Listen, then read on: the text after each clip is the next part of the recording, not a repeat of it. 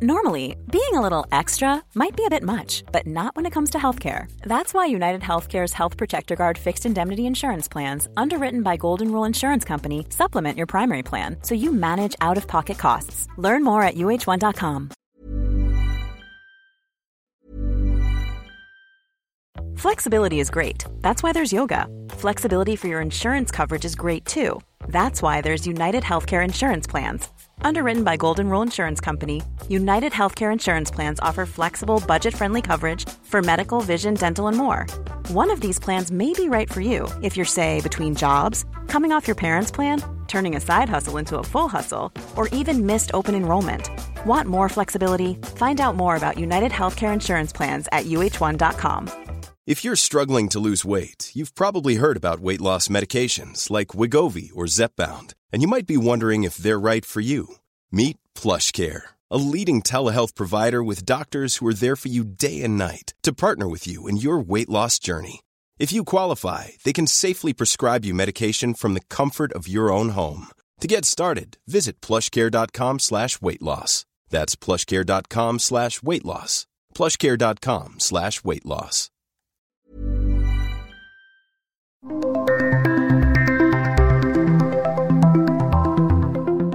Det er et av vår tids aller største spørsmål. Hvordan skal vi redde klimaet? CO2-håndtering trekkes fram av mange som en del av løsningen. Men satser vi hardt nok?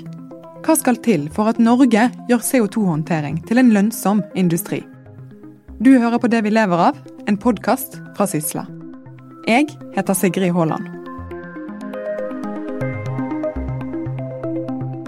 Tenk deg at vi lykkes med fornybar energi, og vi lykkes egentlig med alt vi forsøker å oppnå. Det er likevel sånn at for å redde klimaet så er vi i en alle måneder drar-situasjon. Jan Martin Nordbotten, professor ved Universitetet i Bergen, har forsket på CO2-lagring.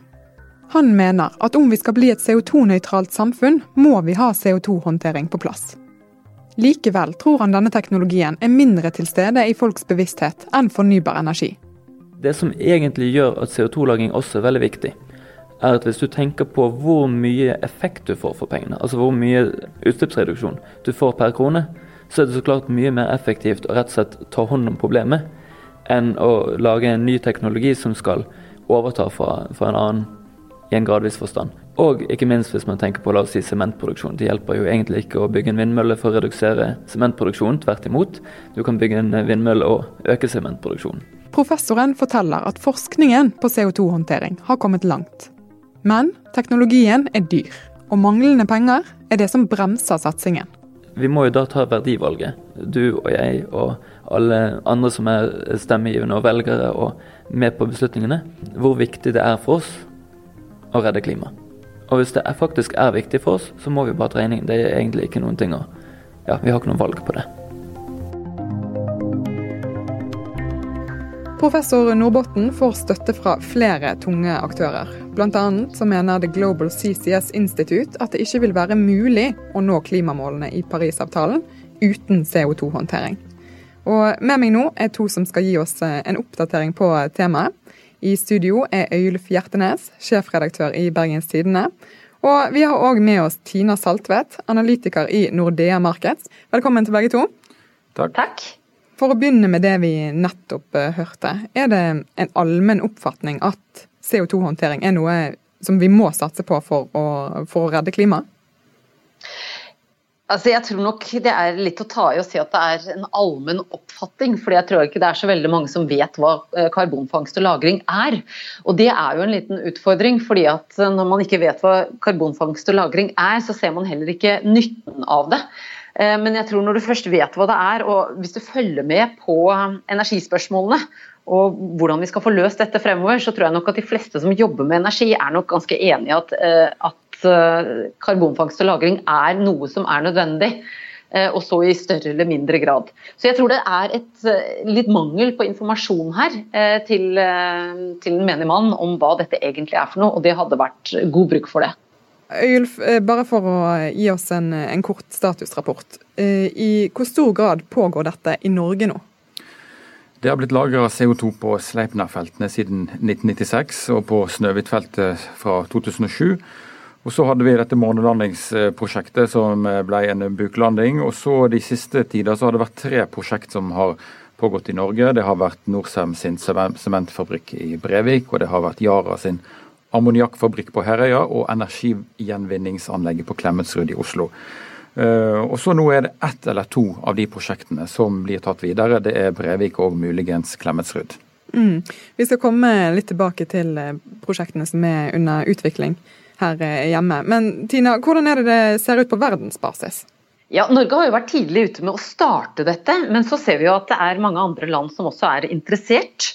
Eh, blant annet så er jo hva skal vi si, nabolandet vårt til vest, Storbritannia, jo, jobber jo en god del med å få dette også på plass. USA, utrolig nok, selv med president Trump eh, under ledelse, så er de interessert i å se ikke bare på karbonfangst og -lagring, men også dette som er karbonfangst og viderebruk. Eh, og så vet vi også at Kina jobber hardt med å få i gang karbonfangst og -lagring. Så det begynner å komme Eh, mange steder rundt i verden. Og jeg tror nok også at vi ser at behovet eller nødvendigheten er der. Det er bare å finne lønnsomhet i denne businessmodellen som gjenstår. Så Hvis vi da går tilbake til det du eh, nevnte, Øyulf. Hva er det regjeringen har sagt at de eh, vil satse på? Altså det, det regjeringen vil støtte her, er midler til forprosjektering av ett eller to prosjekt. Og Det har regjeringen gitt noen titalls millioner til. Uh, har fått ros fra eh, NHO, uh, har fått kjeft fra mange andre for å være altfor halvhjerta i sin satsing. Og Samtidig så den målet om å ta en investeringsbeslutning her, det har blitt utsatt fram til 2020-2021. Sånn at det går an, det går an å, å, se på det på den måten at regjeringen har kjørt med litt bremsende på fram til nå. Ja, for det er en litt mindre satsing enn det vi har sett tidligere? Det er en litt mindre satsing enn det vi har eh, sett eh, tidligere. Og eh, bl.a. i norsk industri så har dette blitt opplevd som at regjeringen har skapt usikkerhet om man i hele tatt vil satse på de tingene her. Men så skal vi huske på at de midlene som kommer nå, som heter forprosjektering, da snakker vi om noen titalls millioner. Men hvis de anleggene her virkelig blir en realitet, så snakker vi om helt, helt andre beløp. Da snakker vi om mange, mange milliarder kroner. Mm. Så hva er det da som er grunnen til at det ikke satses hardere? Altså Er det upopulært å, å bruke penger på dette? Altså Først og fremst så handler det vel om usikkerhet. Altså Man vet ikke helt hvor dette ender. Hvor, masse, hvor mange milliarder skal du putte inn i dette her? Eh, vi har, vi har Mongstad-historien bak oss som, hvor det ble brukt 7 milliarder uten at man kom så veldig langt. Eh, og Det er mulig Erna Solberg har det i, i bakhodet.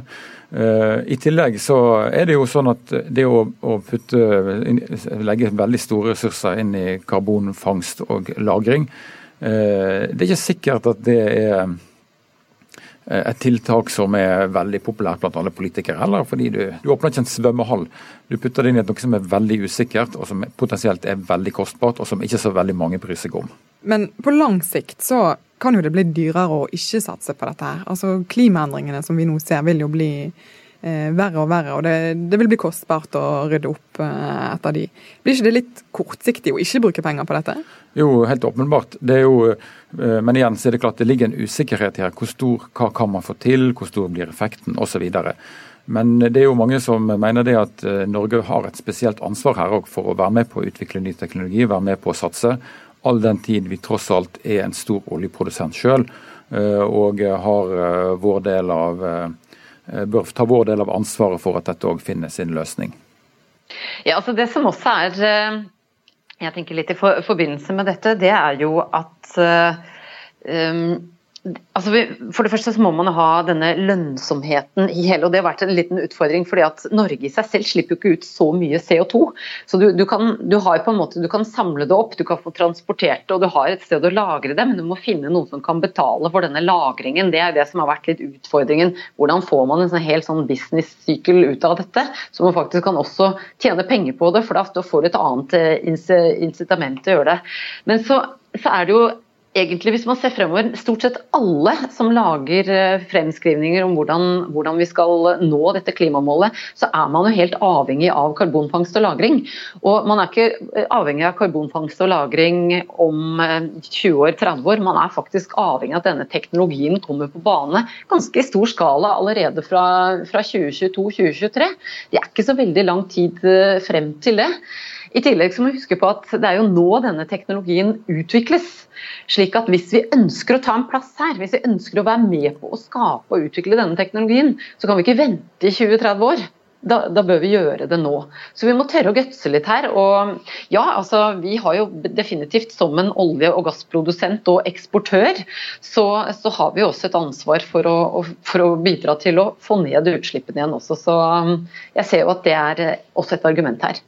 Eh, det er jo interessant dette med de, industrimulighetene som kan dukke opp her. fordi ofte når man snakker om den type ting her, så høres det ut som man snakker om surtran. sur tran. Eh, det smaker fælt, ingen har lyst på det. Men akkurat som innenfor andre deler av næringslivet, særlig på Vestlandet, så er det grønne skiftet jo òg en mulighet her. og Det er jo de som tror det at denne næringen her kan gi titusenvis av nye arbeidsplasser i, i, Norge. Men så var det det å komme dit og, og klare å investere, klare å utvikle en teknologi som gjør til at man kommer dit. Mm, ja, for det må jo være eh, en teknologi som kan bli veldig attraktiv for hele verden. Og vi, vi kan kanskje selge lagringsplassen vår òg på, på, norsk sokkel, hvis dette her går veien. Ja, Det kan vi gjøre. og eh, Det, altså det som, er, som Tina er inn på, det som er det store spørsmålet her, hvordan, er, altså hvordan, skal en, hvordan skal forretningen her se ut? Det som er krevende her, er jo at internasjonalt så har man ikke et Eh, et CO2-avgiftsregime sånn som vi har i Norge. Hvordan skulle du da klare å prise dette her? Så det er ganske mange store spørsmål som vil kreve ganske stor politisk vilje hvis man skal få til noe. Og så tror jeg også at Norge ser på muligheten til å jobbe sammen med f.eks. Storbritannia eller andre land som slipper ut mer CO, altså sånn at vi kan få mer CO2 å putte ned og lagre, rett og slett, slik at vi får en bedre businessmodell ut av det. For Norge i seg selv er såpass lite at eh, for å lage en hel industri ut av det, eh, så blir det nok for lite. Så vi må faktisk samarbeide litt med Europa her, eh, spesielt da, for å få dette til og for å få lønnsomhet i det. Men hvis vi da går litt tilbake til dette her med finansieringen, hvor er det det ansvaret egentlig ligger? Hvis man skal realisere CO2-håndtering. Er det politikere, er det de som står for de fossile utslippene? Hva tenker dere? Det er vel en kombinasjon. altså man kan jo si at Den norske oljeproduksjonen for eksempel, er jo et samvirke mellom eh, stat og eh, privat sektor. sånn at Det er vel en kombinasjon også i videreføringen. Hvis du spør Terje Søviknes, så vil han si at EU må ta en eh, del av regningen her. Um, som eh, Norge som en liten nasjon, eh, så blir dette for stort løft for oss alene, mener han. og Derfor bør, derfor bør, bør EU være med å, og betale. Eh, det er klart, fra, Sett fra EU-hold så vil jeg, vil jeg, jo tro at det kanskje blir opplevd som krokodilletårer. Her kommer bryggeriet og ber alkoholikerne om å betale for skadevirkningene av alkohol. Det tror jeg er en lang vei, lang vei å gå. Men at det, være, at det, må være et internasjonalt samarbeid, det virker åpenbart. Og så tror jeg eh, altså, Særlig det der å få fart på utviklingen, eh, det hjelper jo gjerne med, med litt offentlig, um, offentlig, støtte for det. At man bidrar til å utvikle infrastruktur, man bidrar til å, å, å få fart på teknologiløftet som her er, er, nødvendig. Eh, men det skal jo være lønnsomhet på sikt, hvis ikke så er det vanskelig å se for seg at, at dette vil komme. Og altså dette her skal jo være en løsning for spesielt f.eks. prosessindustrien. fordi at det, altså Dette her er jo ikke noe som skal gi et veldig langt levebrød til olje og gass fremover i tid for å rense det slik at uh, altså Olje og gass uh, vil jo bli utfordret av grønn energi og er allerede utfordret av grønn energi. Men dette er jo en løsning som skal hjelpe de industriene som da ikke, altså, som ikke får ned utslippene på andre måter. Det er klart at Alternativet for de er jo, altså Alternativkostnaden med ikke å gjøre noe kan bli enda større, slik at de må jo selvfølgelig betale for det, de også. Men du får få et raskere push, du får få en raskere ned uh, utviklingskostnader. ikke sant? Få mer storskala ut av det, slik at kostnadene går ned. Det kan eh, det, kan det offentlige eller uh, myndighetene hjelpe til med. Men hvilken motivasjon har de som står for CO2-utslippene for å satse på denne teknologien, sånn, sånn ting er i dag? Det kan f.eks. gi en konkurransefordel. Det er klart at I et eh, land hvor vi har CO2-avgift, vi har CO2-avgiftsregime, eh, det vil man kunne endre på. Sånn at det vil være På sikt her så vil man kunne eh, skape fordeler for seg selv versus andre ved å gå inn på den type teknologi som her, og kanskje til og med nå en nullutslippsvisjon. Og Det er jo litt sånn som Norge har sett på med andre. altså Vi har stor tilgang på mye grønn energi.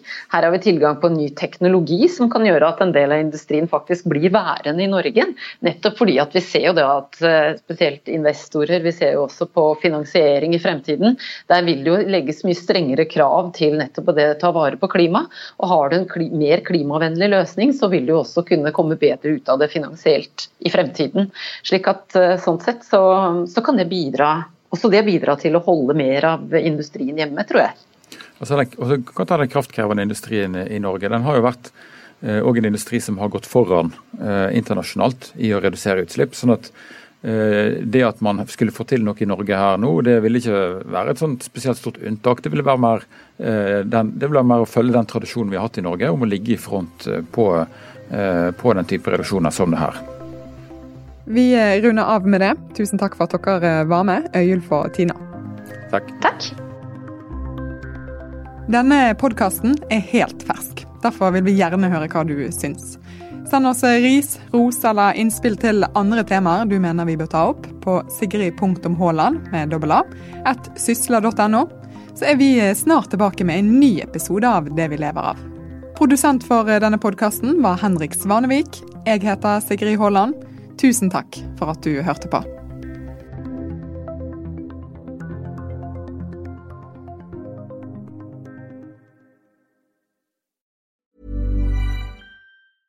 This Mother's Day, treat mom to healthy, glowing skin with Osea's limited edition skincare sets.